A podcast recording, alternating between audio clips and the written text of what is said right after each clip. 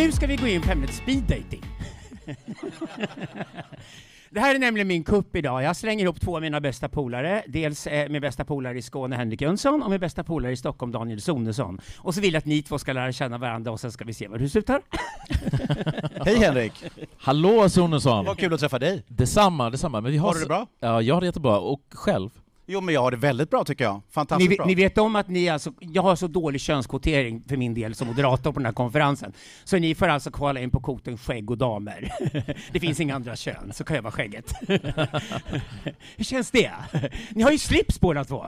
Ja men eh, det får kompensera för skägget. Ja, det gör det. Gör det ganska bra. Det, det, det är ju väldigt falskt. Mm. Eh, nog om det. Vi tar cigarrerna senare idag. Nu vill jag snacka mer. Och jag vill snacka om en väldigt, väldigt, väldigt viktig sak. Därför att i Sverige, och jag har ju numera kommit ut som nationalliberal, så jag tycker väldigt mycket om Sverige, och vill ha ett frihet i Sverige. Eh, I Sverige är det ju så att hela vårt system bygger på att vi har en exportindustri som funkar och som klarar sig ut på världsmarknaden mot de allra hårdaste konkurrenterna som finns där ute. Och det har burit Sverige, kan man säga, de sista hundra åren till det välstånd vi har idag. Och eh, därför vill jag ställa den viktigaste frågan, för nu ska vi prata framåt. Vi ska prata riktigt framåt idag. Jag vill ställa frågan till er två om, om företagande digital tidsålder. Och då tänkte jag börja med dig Daniel, så du får också bekanta med publiken. Vad, vad är din erfarenhet och din bakgrund som företagare? För det är vi alla tre. Eh, tack för att du frågar. Eh, det är svårt att sammanfatta det på ett kort sätt, men sista 15-20 åren har jag jobbat mycket med affärsutveckling och ledarskap, främst inom digital sektor.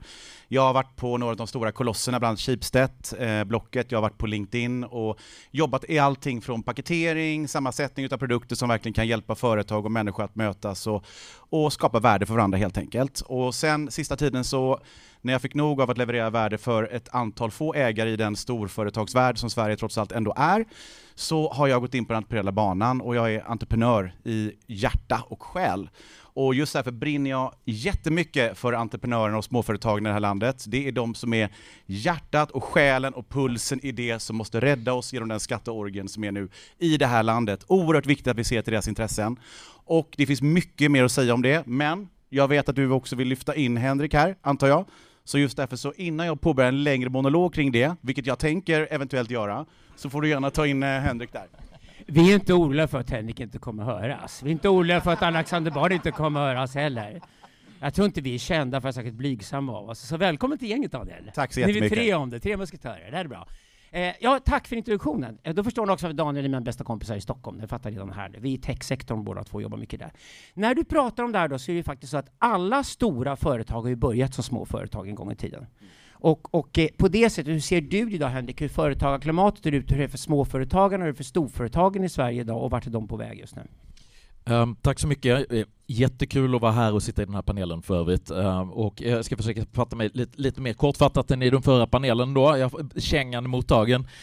Um, ehm, det, det finns, ja, om jag ska göra en makroobservation så, så um, skulle jag vilja dra uppmärksamheten till för, eh, under 1900-talet så hade vi primärt ägardrivna och ägarledda företag i Europa. Och det var det som drev mycket av det som blev skattebasen i, uh, i liksom den, den västerländska framgångssagan. Vi har migrerat från de ägarledda företagen i stor del till någonting som brukar kallas för managerial capitalism. Det vill säga att du har institutionellt ägande av de stora bolagen. Så att du har organisationer som typ Blackrock eller så här private equity-firmor som går in och köper upp privata bolag och då får du ett institutionellt ägande. Och det här är någonting som är intressant att hålla ögonen på. Jag säger inte att det nödvändigtvis att det är fel. Det finns legitima skäl till att man vill kunna investera på det sättet. Men det är stor skillnad på att ha en founder-operated business och att ha en institutionellt ägande. För de institutionella stora ägarna, de äger massor av företag och de gör prognoser för avkastning över en bred portfölj. De har lägre incitament för att ha en kraftigt disruptiv verksamhet i sin portfölj eftersom det stör alla de andra investeringarna. En privat ägare founder operated business har mycket stort incitament för att vara disruptiv och innovativ eftersom då kommer man att tjäna mycket mer stålar och man förändrar hela marknaden. Så det här är liksom en makrogrej som är faktiskt lite bekymmersamt. För de här stora institutionella ägarna, de börjar då även ägna sig åt en viss form av ideologisk dirigism. Blackrock till exempel har synpunkter på styrelsers sammansättningar i bolag som man ska investera i. Och de här små bolagen som behöver tillträde till det här equity-kapitalet känner då att de måste anpassa sig efter det. Och sen så frångår man den traditionella kapitalistiska meritokratiska ordningen. Och då börjar man säga att nu ska vi ha liksom, vi måste ha lite olika hudpigment och så ska det vara någon, någon, någon flata i styrelsen och, liksom, och så har man förlorat um, själva meritokratin. Så att det där är någonting som, det, it's a big discussion, men det är min spaning. Men kommer inte det alltså av så att till exempel, för jag vet att private equity som jag pratar om här, Blackrock och dem, och venture capital som jag också jobbar med, är ju två helt skilda världar idag. Och venture capital lever med stora risker och det är tack vare att venture capital finns, finns och vi har en techsektor överhuvudtaget. Och nu har vi ju lärt oss, att med tech här i 30 år, att här åker det jojo upp och ner. Det är som bitcoinkursen ungefär. Det spekuleras vilt och så fort det drar iväg ekonomin och det finns billiga krediter, då ska alla in i techsektorn, för där ligger all tillväxt. Och sen upptäcker det att vi kan inte ha 14 000 företag som hyr ut elsparkcyklar i Göteborg samtidigt utan vinst någon av dem. Och då börjar de braka. Och så går det ner igen och så faller det ner och så rensar man techbolagen. Så techvärlden har ju lärt sig nu att den kommer ju leva väldigt disruptivt. Men den har också stuckit iväg och blivit en helt egen värld. För det du pratar om nu, private equity, jag antar att en stor anledning till att det är trygghetssökandet som ligger bakom hos ägarna, för ägarna vill huvudsakligen stora pensionsfonder. Och då är vi återigen inne på hur det skattesystem vi har korrumperar hela ekonomin. Därför att hela skattesystemet har ju nu varit wirat i 50 år för att vi alla ska spara till någon pension som sen skjuts framåt hela tiden tills vi blir gamla. Vi får stormrika pensionärer vi får massor med 20, 30, 40-åringar som går på knäna nu när krisen kommer med bolånebubblor och alltihopa. Och det här kommer ju skapa enorma ko alltså konflikter mellan generationerna och allt är ju grund och botten ett korrumperande skattesystem. Det finns ju ganska många saker att säga om skattesystemet också och eh, det är klart som vi alla vet så har ju det grundats också för att eh, husera ett antal stora företag som har andra förutsättningar att egentligen få stora skalfördelar. Små bolag har inte samma möjligheter att hantera det skattesystemet på ett bra sätt och lider oerhört mycket värre än de stora verksamheterna. Och Eh, senast när jag var VD på SUP46 så blev vi approcherade av flera olika eh, ja, firmor som skulle leta efter sina nästa investeringsobjekt som öppet sa att eh, ja, det är jätteintressanta bolag, de har jättespännande teknik och jag ser att de gör bra saker, men det skulle vara oerhört bra om de kanske flyttade till Berlin eller, eller huserade kanske borta i, i andra länder som exempelvis Spanien, Portugal och så vidare. Så det finns också en konkurrenssituation om man ser det så på ett globalt sätt som på, påverkar Sverige ytterst dåligt. Eh, och det här är ju någonting vi måste ta på allvar. Tittar man på den privata eh, jobbsektorn och man tittar på tillväxt i privata jobbsektorn så ser ju vi att sista 40-50 åren har inte den totala tillväxten på den privata jobbsidan varit särskilt stark i Sverige. Det är ju de som ska betala för den här skattefesten. Det är ju jätteallvarligt och väldigt oroväckande om det är så som vi ser nu hos de stora företagen att den primära delen av deras jobb, deras tillväxt, majoriteten av deras jobb förläggs internationellt i andra länder det kommer inte eh, komma oss eh, i Sverige till godo. Det är en, en förlust av, om man nu ska uttrycka det så, skattepengar utifrån det systemet som man har då. Och det handlar ju om både tillgång till kompetens, till talang, det handlar om strukturkapitalet, det handlar om, om tillgångarna, det handlar om eh, komplexitet, det handlar om allting från om man kan ha optionsprogrammen här på rätt sätt och med rätt beskattningsmedel och så vidare. Det är så många faktorer i detta. Och om vi ska vara riktigt ärliga nu, om man tittar på vad som händer i Sverige och man tittar på den här utvecklingen globalt sett och hur vi ställer oss, så är det faktiskt så här, det företagare vill ha är ju precis som alla vanliga människor egentligen vill ha. Man vill ha ett tryggt land att ha sin verksamhet i. Du vill ha ordning och reda, du vill ha låg korruption, du vill ha hög trygghet, du vill kunna ha en infrastruktur som fungerar för dig som företagare. Och är det som så att vi betalar de femte högsta skatterna i världen och har 10% högre skatt på snitt än OECD-länderna, förväntar man sig ett ROI därefter. Man förväntar sig inte ett land som ligger bland de högsta i EU i kriminalitet och som har lägre trygghet och så vidare. Det kommer ju givetvis skapa ett mycket mindre attraktivt klimat i Sverige för att kunna bedriva sin affärsverksamhet i. Och tappar vi då i attraktionskraft globalt i Sverige i takt med att det blir lättare att bygga globala bolag, att regga bolag var som helst, att man kan ha sina pengar på vilka konton som helst, att du kan bedriva de businessen var som helst, du kan skala din verksamhet hur som helst, och man rent av finner sin talang att anställa i andra länder. Det är ingen bra melodi. Och då kan man inte fortsätta med det hutlösa skattesystem som vi i Sverige har. Så är det bara. Jag ska bara se ett exempel där. Optionsprogrammen är, är, är den stora heta potatisen. Det har inte hänt ett skit, varken från den nuvarande regeringen eller förra regeringen. Och ska vi veta vad det innebär. Alltså, tänk er då att vi har 1,3 miljoner svenskar som går på bidrag idag och inte jobbar alls. De måste alla vi andra försörja. Det är 1,3 miljoner. Ovanpå det har vi världens största offentliga sektor. Det är många som sliter ihjäl sig och jobbar hårt i offentlig sektor och värda varenda öre de får i lön. Men den offentliga sektorn försörjer ingenting. Den tar resurser från någon annanstans. Då har ni ganska lite kvar egentligen som är den kommersiella sektorn där företagen ska blomma och funka alltihopa. Och de har gjort det enkelt att starta företag i Sverige. Där är byråkratin ganska för, förmånlig idag. Att starta ett företag är inte svårt i Sverige alls. Och säkert tigga till sig lite pengar från Arbetsförmedlingen för något idiotprogram som inte kommer leda till några fasta jobb. Det är lätt ja. Men när det kommer till en sån enkel sak som till och med vänstern borde slåss för som ett optionsprogram. Att jag går ihop med fyra polare och startar företag tillsammans och de i praktiken då delägare och delar risken i företaget. Så de jobbar precis som jag gör som företagare för en låg lön, men en stor avkastning om vi lyckas med affärerna. Det borde ju LO och sossarna stå bakom, men icke sa Nicke. Varken Socialdemokraterna eller Moderaterna står bakom de optionsprogrammen, för det är ju skattesmitning i deras ögon. Och här kommer det vansinniga. Det blir ju skattesmitning när man sitter med höga skatter i en stor offentlig sektor, 1,3 miljoner bidragstagare i en ekonomi från början. Då finns det inga resurser kvar för att till exempel frigöra resurser för nytt företagande. Och hur ska vi då klara oss? Det, det, det, det, därför jag högg på det optionsprogrammet, för den här frågan har ju pågått nu åratal utan att hitta någon lösning. Mm. Alltså, får jag göra ett medskick på det här, för jag, jag håller med, allt det du säger är alldeles riktigt. Men det, det, det finns det finns tydligt mätbara konsekvenser av att vi opererar i den här paradigmen och, och, och som du säger i det här eh, högskattesystemet och denna managerial capitalism har, har lett till någonting högst påtagligt och högst konkret. Titta på hur eh, 1900-talets innovationsmarknad såg ut. Under en period på ungefär 50 år så uppfanns flyget, kylskåpen, tv-apparaten, den moderna elinstallationen i fastigheter, eh, hemdatorn. Alla de här grejerna uppfanns över ett par decenniers tid. Sedan dess har innovationstakten förvisso den har flyttat över till digitalisering, men den har också stagnerat. Den har stagnerat så tillvida att om du tittar på vad, hur mycket har eh, kylskåpen förändrats sedan 1970-talet?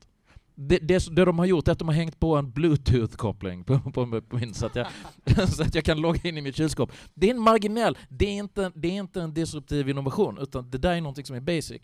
Då det här är... Jag vill mena, alltså precis som Daniel säger, så är det så att jag har varit entreprenör hela mitt liv.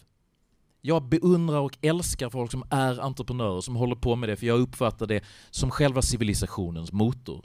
För mig så är det det är en skönhetsupplevelse på, på samma nivå som, som, som konstnärer eller vetenskapsmän som förverkligar och artikulerar vår civilisation.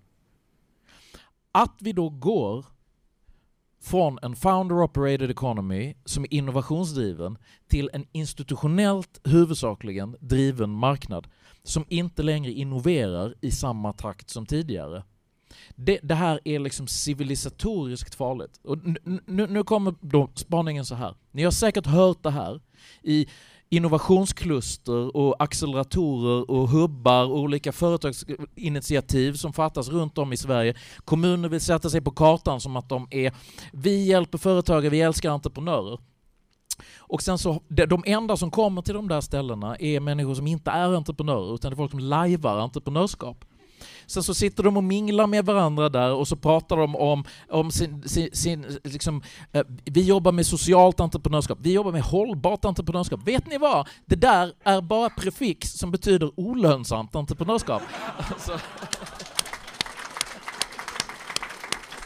Jag tycker ett litet in, eh, medskick på det, superbra formulerat. Eh, det är så roligt också hur, hur ironin blir så stark när när, man, när de kommer till en, jag var ju VD på Sub46 som sagt, och så kommer liksom vissa personer till dig som säger du, vi, eh, vi känner inte att vi riktigt har koll på behoven för de här verksamheterna. Så därför har vi gjort ett program här.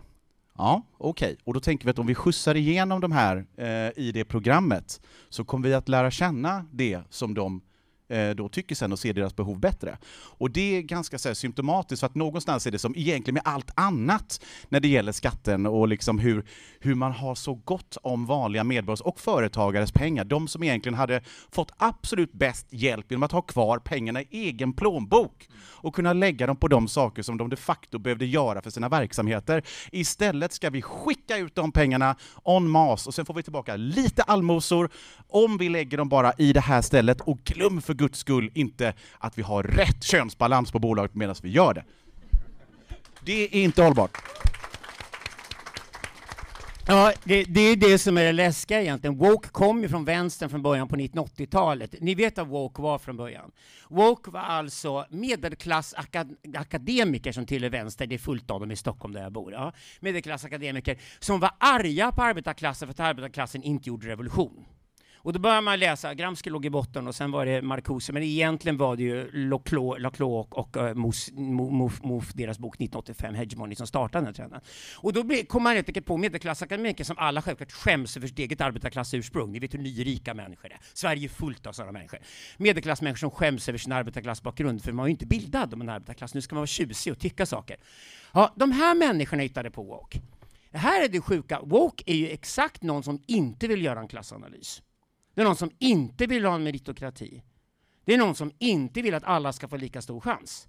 Woke är kastsystemets återkomst. Du måste vara det du är född.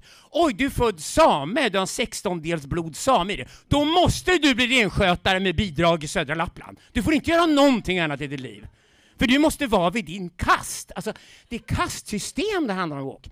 Det här är ju helt sjukt. Nu kommer det ännu sjukare som hänt de sista fem åren. Det här har flyttat in i företagen. Hur gick det till? Och det är ju som du säger Henrik, managerial capitalism, vi är inte pro-business, vi är pro-market. De här ska konkurreras. Och här är det två saker jag upptäckt.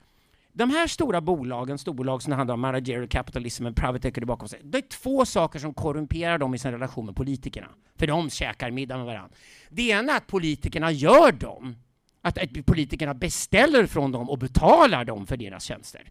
Man köper helt enkelt från de här företagen, från den politiska sektorn. Man upphandlar, som det heter, från de här företagen. Vilket är extremt korrumperat, för då kan inte de bråka med staten eller höga skattesystem eller någonting. Då är de ju tysta på en gång. Den andra grejen man ger dem är mer regleringar. Och här är varför stora, trötta gamla företag gillar mycket regleringar det, det, är som en fet häxa som inte vill att hennes man ska titta som efter yngre kvinnor. Ja, vad gör hon då? Ser till att han inte kommer utanför dörren. Det vill säga, det vill säga, mer regleringar betyder att det är svårare för nya konkurrenter att komma in. Det är den kohandeln de här storbolagen har gjort med politiker de sista 20 åren. Och sen när de här bolagen inte har någon själ kvar, för det har de ju inte då, de har ju sålt sig till djävulen. De har gått med på korruptionen. De förbjuder nya yngre krafter från att komma in och dansa piruetter och visa vad de kan. Så man, man låser det kvar, kvar som ett slags Sovjetsystem i storföretagen. Då är det klart att de inte har någon själ kvar. Då ringer de någon kommunikationsbyrå. Och på den kommunikationsbyrån har förvirrade woke-människor retat sig in, så kommit på att vi kanske inte ska vara så antikapitalistiska, vi kanske ska rädda kapitalismen. Och det har ju fått woke-kapitalismen, för övrigt ett uttryck som du och jag satte banan, sen exploderade det. Det gjorde, det gjorde det vi faktiskt. satte banan, sen började amerikanerna använda det. Men grej, grej, vi är bra, vi är bra, kom igen, vi är bra. Henrik är bra. Äh, och, och, och, det sjuka är det här, de här företagen, när de inte har någon skäl, och det måste ju företag ha för lite marknadsföring, vad gör de då? Då släpper de in hela de här horderna med woke-människor på företagen. De kallas numera protokollbärare på företagen sarkastiskt. Det är folk som kommer in och det första de gör, de absolut adderar inget värde. De tjänar inga pengar åt företag. Det är alltså kommersiella företag pratar om. De skryter om att de inte tillför värde. De tillför andra värden än kapitalismen. Och de har vi överallt i företagen idag. Protokollbärarna. Case in point, jag tittar på Elon Musks hantering av äh, förvärvet av Twitter. Han skar bort, nu har jag inte siffran exakt i huvudet, men alltså 3-4 tusen anställda med, med, med, en flod av krokodiltårar i sociala medier att plattformen kommer kollapsa utan det. De betydde ingenting. Det var, han, han, han sa att med, med, min managementprocess var så jag frågar dem vad de gör och om de inte kan förklara det på två minuter så får de sparken. Alltså. Men, men jag, jag, jag, vill, jag vill lägga till en, en, en, grej på det här, för att jag har ett lite unikt perspektiv. Som företagare drev jag mina första bolag i, i början på 1990-talet. Sen så lämnade jag Sverige och var utomlands ganska länge och sen så kom jag tillbaks 2011 och då, kunde, då kan man observera en ganska stor förändring av den allmänna attityden mot företagare. För under 1990-talet så var den svenska kulturen fortfarande i allmänhet misstänksam mot entreprenörer. Det finns en gammal video, Eh, eller det finns en gammal spelfilm med uh, Janne Loffe Karlsson och Kim Andersson som heter Svindlande affärer från 1985. Och det, de, de är liksom skojare och det blir en massa förvecklingar, det är liksom ett folklustspel praktiskt taget. Men på det sättet betraktades entreprenörer i Sverige fortfarande på 90-talet som någon slags Janne Loffe Karlsson skojare. Det här ändrades. När jag kom, kom tillbaks 2011 från England, då ville alla politiker omfamna entreprenörer. Och det kan man ju tycka att det, det, är ju bättre, men det är samtidigt också vad jag kallar the sweaty embrace of the moron. Alltså, det, det, är en, det är en omfamning som inte är ömsesidig. Nej, de blir snart sociala entreprenörer när de kommer in också. För vad de här jepparna har gjort, och det är ju en liksom kul anekdot, vi har ju varit på liksom massor av de här ställena liksom, med entreprenörskluster och sådär, vilket då är stat och kommuns sätt att försöka göra sig själva relevanta i eh, entreprenörskapet.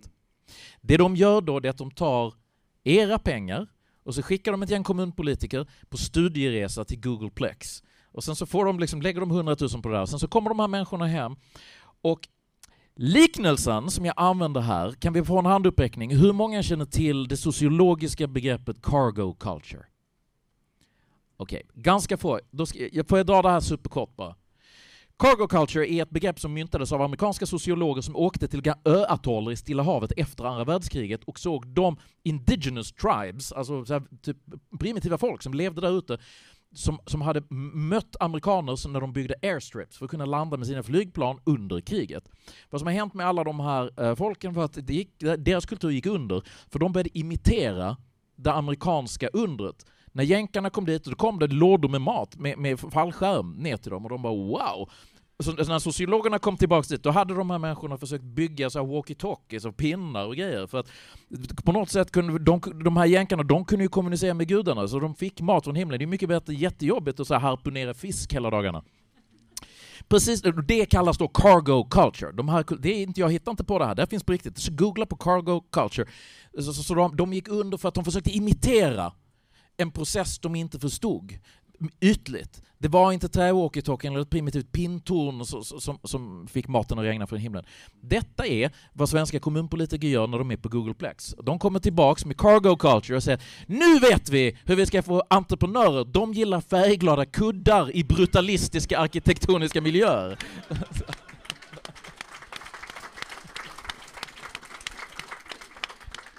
Jag tror liksom, tittar man på eh, storföretagen igen, tillbaka till det, så, så är det ju så här också att i Sverige så ser vi att det är ganska få företag som är nya på topp 100-listan egentligen på de absolut största företagen de sista 40 till 50 åren. Det är en ganska liten frekvens eller antal bolag som byts ut där. Eh, om man tittar och gör samma jämförelse i USA så är det ju en dramatiskt mycket större skillnad rent procentuellt. Och det är en jätteintressant analys när man tittar på vad det är för insatser man gör i ett samhälle som de facto gynnar och stärker entreprenörskapet i en nation.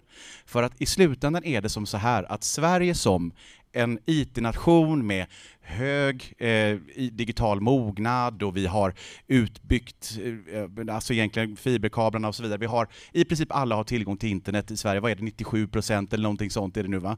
Som har tillgång till det, eh, give or take. Så vi har ju egentligen mycket i Sverige att kunna skapa de nästa stora dimensionerna och giganterna inom eh, tech, så att säga, om man nu ska gå in på den digitala tidsåldern och de digitala bolagen. De bolag som då har skapats och som skulle kunna ge grundfundamentet för det, har ju klagat på Sverige. Spotify gick ut i ett jätteuppror och sa att om inte ni gör någonting åt det här så lämnar vi. Vi kommer anställa den primära delen av våra anställda i ett annat land tillbaka till det igen. Och någonstans så handlar det här ju om att i grund och botten inte diktera för. Det är återigen att antingen så är man ju en person eller en stat som dikterar för andra så här är det, så här ska ni bete er, eh, rätta in er i ledet, eller så lyssnar man. Hur är det? Hur mår ni? Hur går det egentligen? Vad kan vi göra mer för er för att ni ska kunna anställa fler personer i Sverige? Att ni ska kunna ha ett bättre optionsprogram som de facto kanske rent av lockar internationell talang som har specialistkompetens som kan skala era verksamheter här i Sverige som då givetvis leder till ja, men ökade skatteintäkter, välfärd och så vidare. Ja, om man inte ska lägga de pengarna på nya woke-projekt då givetvis. Men, men förutsatt om man då hade då lagt dem på någonting som var fruktsamt och produktivt i samhället, så det är ju ett jätteproblem. Eh, och den listan är jätteintressant, den är så talande. För i slutändan så, det är inte bara det att den listan är talande ur att vi är dåliga på att jobba med entreprenörskapet. Det är också det att den är väldigt talande på det som du är inne på Alexander. Det som händer när du har en gigantisk stat som har gigantiska skatter och en hög komplexitetsgrad för att bygga och skala bolag i ett land. Då är inträdesbarriären för de mindre företagen så betydligt mycket högre än det som redan de stora företagen har passerat igenom. De har anpassat sig till det och de flyttar lite skatter hit och dit strukturellt i olika bolag i olika delar utav världen internationellt. De små bolagen har inte de här möjligheterna och givetvis växer de då därmed också mer internationellt. Och det här är ju då också problemet med de inträdesbarriärerna, så givetvis så skapas ju den här alliansen med den stora staten och de stora bolagen och de sätter sina spelregler tillsammans. Så ibland när man pratar om vi måste gynna privat sektor, ja, Gynna privat sektor är viktigt. Det är skatteindrivarna rakt in till att finansiera alla de här hobbyprojekten vi håller på med, om man nu ska ha kvar med dem. Eller i övrigt, det som är fundamentet för att det här landet ska växa sig starkt. Men det är ju också det, givetvis, att den här problematiken stänger bort andra och då blir man beroende av de systemen. Och enda sättet att skapa en riktig konkurrens är inte bara att gynna privat sektor. Du måste gynna småföretag, du måste lyssna på vad de vill. Du kan inte bara gynna ett antal stora, redan etablerade jättar och göra det svårt att bli stor i Sverige. Det är inte en riktigt modern näringslivspolitik. Och den driver Moderaterna också. Så är det.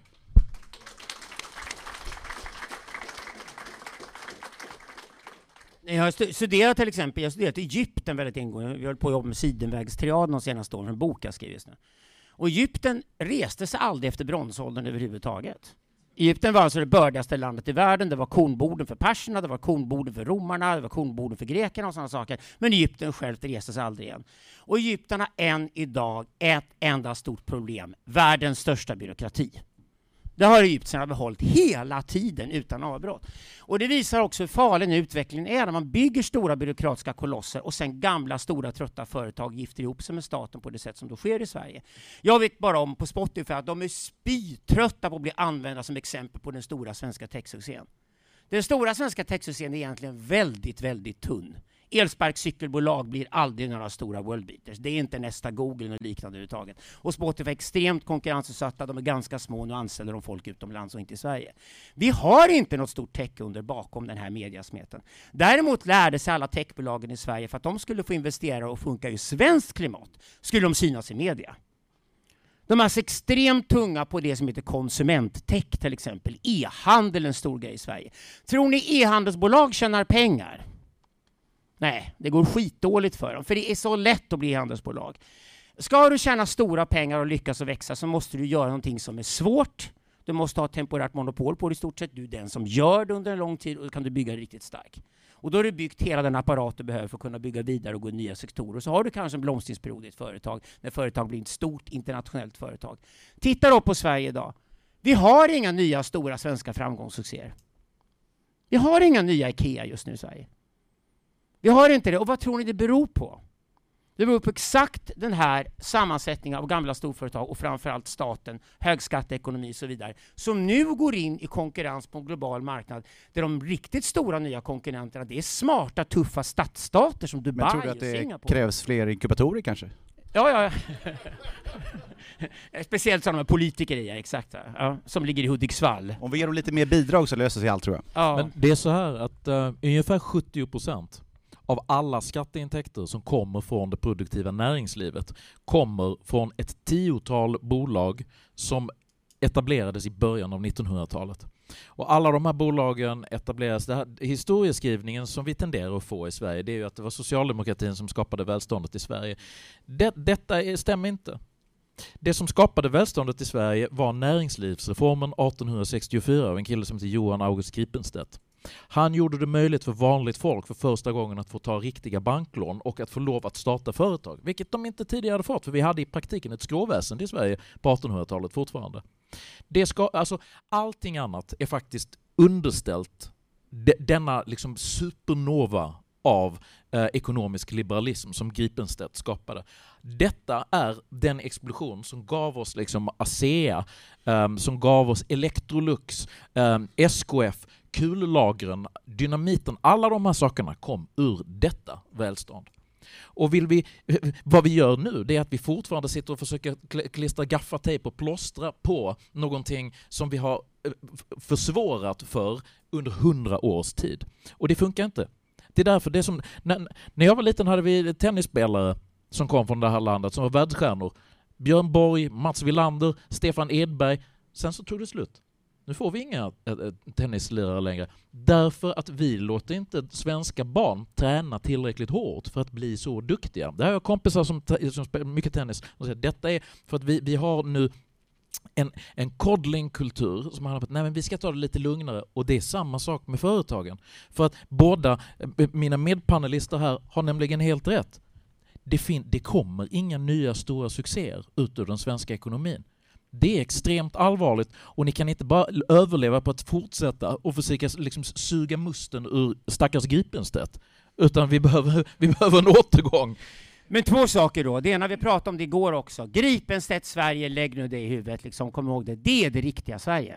Det är vårt Sverige. Det, är en story vi måste claima. På 1860-talet är Gripenstedt som lär svenskarna att en svensk är en människa som kan bli vad som helst. Du kan bli vad du vill om du är svensk. Det är Gripenstedt Sverige. Det är där vi bygger på. Erlanders Sverige från 1960-talet är en ren myt. Vi har snarare en parasitär organisation vi bygger, där staten sväller och sväller och sväller och skett de sista 50 åren. Och det finns ett bevis på det här, för det här är ju en smygande utveckling över väldigt lång tid och de ska man absolut ta väldigt allvarligt. Sensationer syns alltid, för media bygger på sensationer. Händer någonting som September 11 får alla reda på det på en gång. Men det riktigt viktiga i historien är de långa rörelserna över lång tid. När jag var liten på 1970-talet och den svenska kronan och schweizerfrancen var lika mycket värda, nu är schweizerfranc, vad är det, 11 spänn? 11,60 någonting? Ja, ni vet det här med Schweiz liksom, som vi är fixerade på. Men den andra, den andra grejen vi ska, vi ska komma ihåg i det sammanhanget är, eh, nu fick jag en blind, blind spot här, apropå Gripelse Sverige. eh, jo, den andra grejen att på 70-talet var Sverige världens näst rikaste land efter just Schweiz. I den senaste parallellstudien av GDP per person i, ligger Sverige 48. Det är bra att jättemånga länder har jobbat hårt och lyckats, men de har blåst förbi oss. Det var inte nödvändigt. Vi har alltså blivit sämre. Och vi är fortfarande extremt utsatta för global konkurrens. Vi är ett litet land, en liten ekonomi och vi måste kunna exportera oss fram till alla våra framgångar. Vi är inte bättre än vår exportindustri. Och om vår exportindustri inte fungerar bra kommer Sverige aldrig vara rikt. Och då kommer inte de gamla stora företag som sitter på meriter och som funnits där i hundra år vara de som skapar det nya värdet. Vi måste ha nya företag som gör det idag och de, de resurserna måste frigöras i Sverige idag. Får jag tipsa om en bok? Jag vill gärna uppmuntra publiken här att skaffa en liten lättläst bok uh, som heter Det man ser och det man inte ser. Den är skriven av en fransk ekonom som heter uh, Bastiat och uh, den beskriver konsekvensen av att du för en viss politik gör att vissa saker materialiserar sig. Men du ser inte allting som inte händer när du har gjort en viss satsning. Låt mig ge ett tydligare exempel. När Magdalena Andersson säger att att vi har hög skatt i Sverige skadar inte alls det svenska företagsklimatet för att se så många företagare vi har i det här landet. Ja, men det du inte ser, det är alla företag som inte startas alla nya innovationer som inte uppstår, alla arbetstillfällen som inte skapas. Så att du kan inte, det här är Bastiats argumentation. När politiker går fram och säger att vårt system, det här, det här är utmärkt för att det får inga konsekvenser.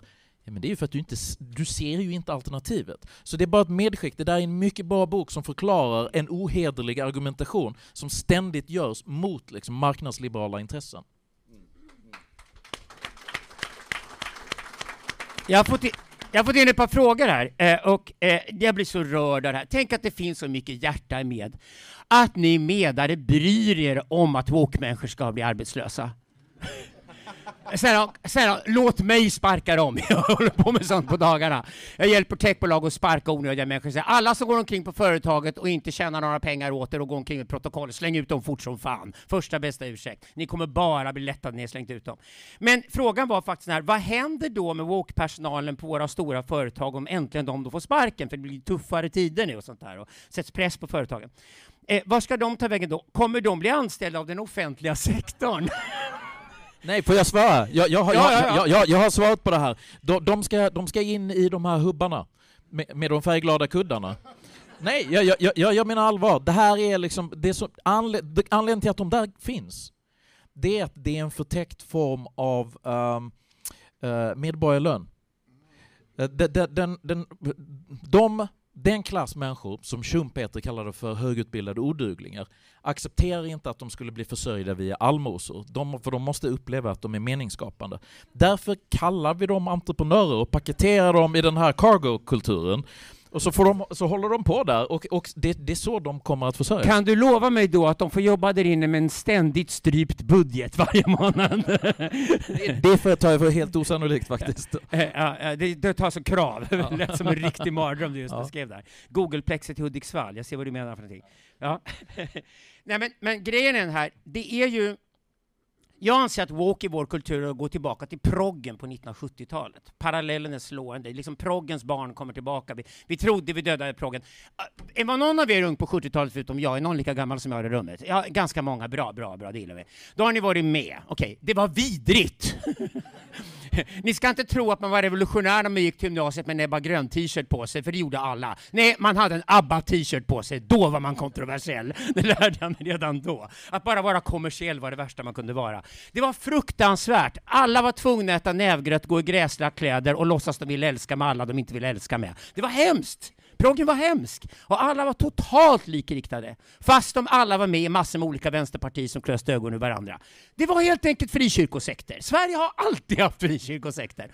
Och då var det olika vänsterpartier som bråkade med varandra. Det är det här som har kommit tillbaka från woke, för det är ju så att woke-människorna bråkar också med varandra för att verka viktiga. Det är också ett sätt att vända mer woke, att olika woke-grupper bråkar med varandra för att ta dem också medieutrymme. Och det här är problemet. Jag skulle säga att det stora problemet då är något som heter socialhögskolan i grund och botten. För det enda som kopplar ihop progg på 70-talet på riktigt med woke idag, det är den där förbannade socialhögskolan. Varför blev Sverige ett land som utbildar enormt mycket mer socialvetare än vad vi behöver, men alldeles för få naturvetare? Hur gick det till? Och bara som ett exempel, jag och Henrik försökte, jag kan ju berätta nu, vi försökte kuppa in en grej i höstas. Vi tänkte ordna en stor lovefest på KTH i Stockholm med några studenter som stack ut hakan för vår skull. För vi är ju kontroversiella och cancellerade. Det var någon som inte kände sig trygg om vi skulle vara Nej, där. Vi, vi skulle helt enkelt gå till KTH, Henrik och jag, och lovebomba ingenjören. Vi skulle ha en fest för ingenjörer. Man utbildar alltså ingenjörer på KTH.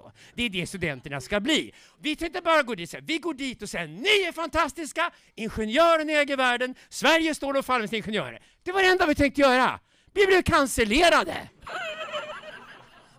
Alltså när självhatet har krypt in till och med på KTH. Va? Nu har vi ju för sig studenter som står definitivt typ på vår sida och som förstår att det krävs ju till förändring. Men alltså, vi behöver fler ingenjörer än någonsin. Vi behöver fler ingenjörer, fler programmerare, fler kodare, fler naturvetare, vad ni vill. Allting som ligger någonstans nära naturvetenskapen, ni garanterade jobb. De företag vi har i Sverige skriker efter den arbetskraften.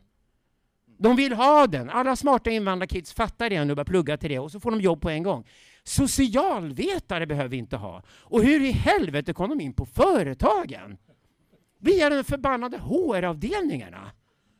Med sina långa tester de ska ha på alla anställda. Nu är det H&M senast som ska testa alla sina anställda med långa tester där de självklart ska kolla deras attityd. Ja?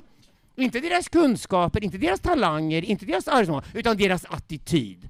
Det, det är ständigt tillbaka Men till du, Al Alexander, ja, och vi tittar på reklambranschen. När, när, när, jag växte upp, nu är jag tillbaka till Janne-Loffe Karlsson-träsket igen.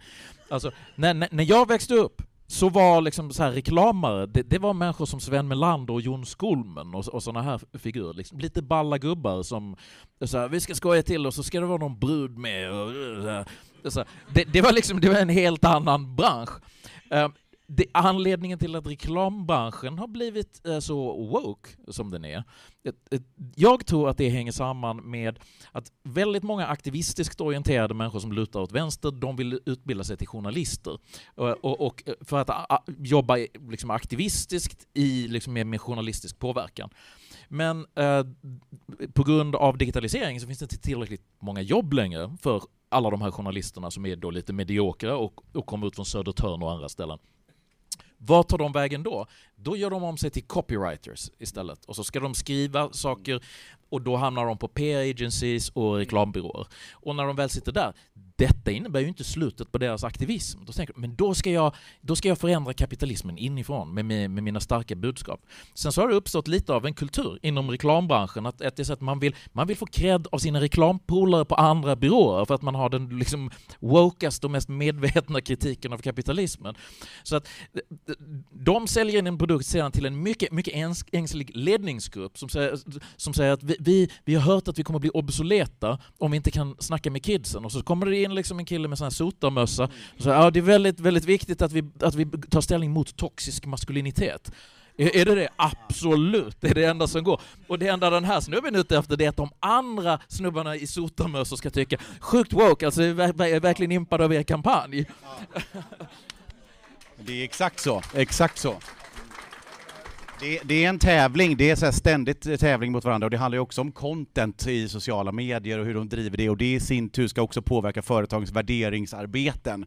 Hur man ska arbeta, det kommer bli policies hur man ska med det. Det är som en stor Eurovision woke contest som kommer komma liksom. Det, det är 12 poäng till det här bolaget och alla vill ge varandra 12 också för att det är en enda stor klubb. Det är ju så det hänger ihop. Ja det var så, så man gick på de här reklamgalorna förr i tiden för att man gav första priset till någon som lyckas lura så många människor som möjligt, för det var reklam borde handla om kan man tycka. Eh, det, det blev, sen gick det utför. sen gick det utför. Och nu är det helt enkelt bara att nej men jag knullar dig i röven, knullar mig i röven, vi ger priser till varandra för att vi har gjort någonting jävligt märkvärdigt, aktivistiskt tjusigt liksom. Så här. För mänsklighetens godhet och sånt där. Byggt på bullshit. Total bullshit. det, det, är fullt av det här. HR och kommunikationsavdelningar, de gamla storföretagen, de sitter med det här idag. Och, och som sagt, de, ja, Stryper man tillgångarna av pengar så kanske de till slut måste sparka de här figurerna också. Eller också måste man starta nya företag som eh, sätter eld i arslet på dem. Men vi, vi, nu har vi det så himla trevligt att sitta och skoja med varandra. Jag, jag, jag, vill skärpa upp tonen lite grann, för det finns någonting som jag faktiskt uppfattar så som ett riktigt existentiellt hot i den här utvecklingen. För att när vi låter bolagen i, i, i högre och högre grad anpassa sig till um, equity investmentbolag eh, och institutionella ägare som ställer krav på hur styrelserna ska, ska konstrueras där du har marknadsföringskrafter inom bolagen som, som styr dem i en ideologiskt fostrande riktning i högre grad än mot lönsamhet. Och där du har oftast nya ledningsgrupper, olika typer av chefer som, som uttalar sig senast i Harvard Business Review, jag skrev om det här i Access för ett och ett halvt år sedan, som säger att ja, men vi, har inte, vi har ett större ansvar att vara en social förebild än att vara en vinstdrivande organisation. Då kan man tycka, go, liksom, woke, go broke, allt det där. Men det finns, det finns ett större värde som är en insats här. Och det är att om vi går den här vägen, då slår vi undan benen på det som är själva upplysningstraditionens fundament. Alltså det som gjorde oss rika i västvärlden, det var att vi skapade en meritokratisk samhällsordning där individer var fria att äga och handla med varandra. Att, att, att folk fick lov att äga sitt eget jordbruk, att äga sin egen fabrik accelererade välståndsskapandet och det byggde på meritokrati. En process som handlar om att den som var duktigast kom längst fram och när du ska anställa någon så måste du tävla med alla andra arbetsgivare om att erbjuda den bästa chansen för den här personen att självförverkliga sig själv och utveckla sig själv. Hel, alla dessa värden står i konflikt och är en uttalad fiende till den postmodernistiska, dekonstruktivistiska samhällsordningen, där man vill upprätta en, en vertikal maktanalys, där, precis som du talar om med renskötarna, där man istället ska indexera människor utanför vad man anser dem vara i relation till varandra och sen så ska de kvoteras in. Det här är alltså en kollektivistisk samhällsordning som står i direkt strid, mm. inte bara med marknadsliberalismen, utan med hela upplysningsfilosofin som idé. Den hatar förändring.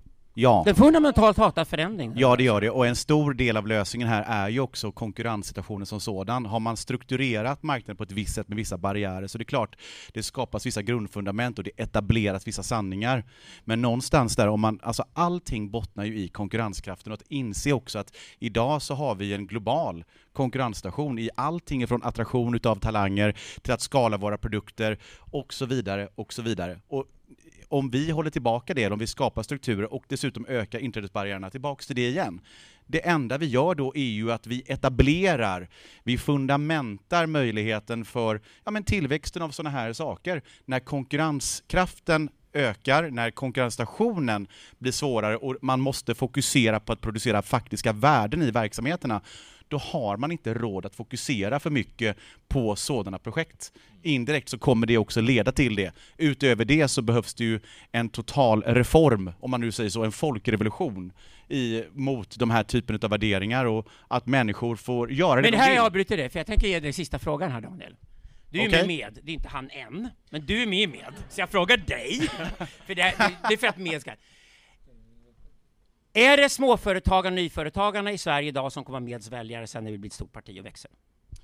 Jag skulle säga små och nyföretagare kommer älska Medborgerlig Ja, Samling. ja. Absolut. Är du med och jobbar för det och ger din själ och hjärta? Det kan du ge dig på. Tack, det var det jag ville höra. Och sen, sen får du gärna haka på Henrik. Du får gärna haka på. Tack ska ni ha. Ja.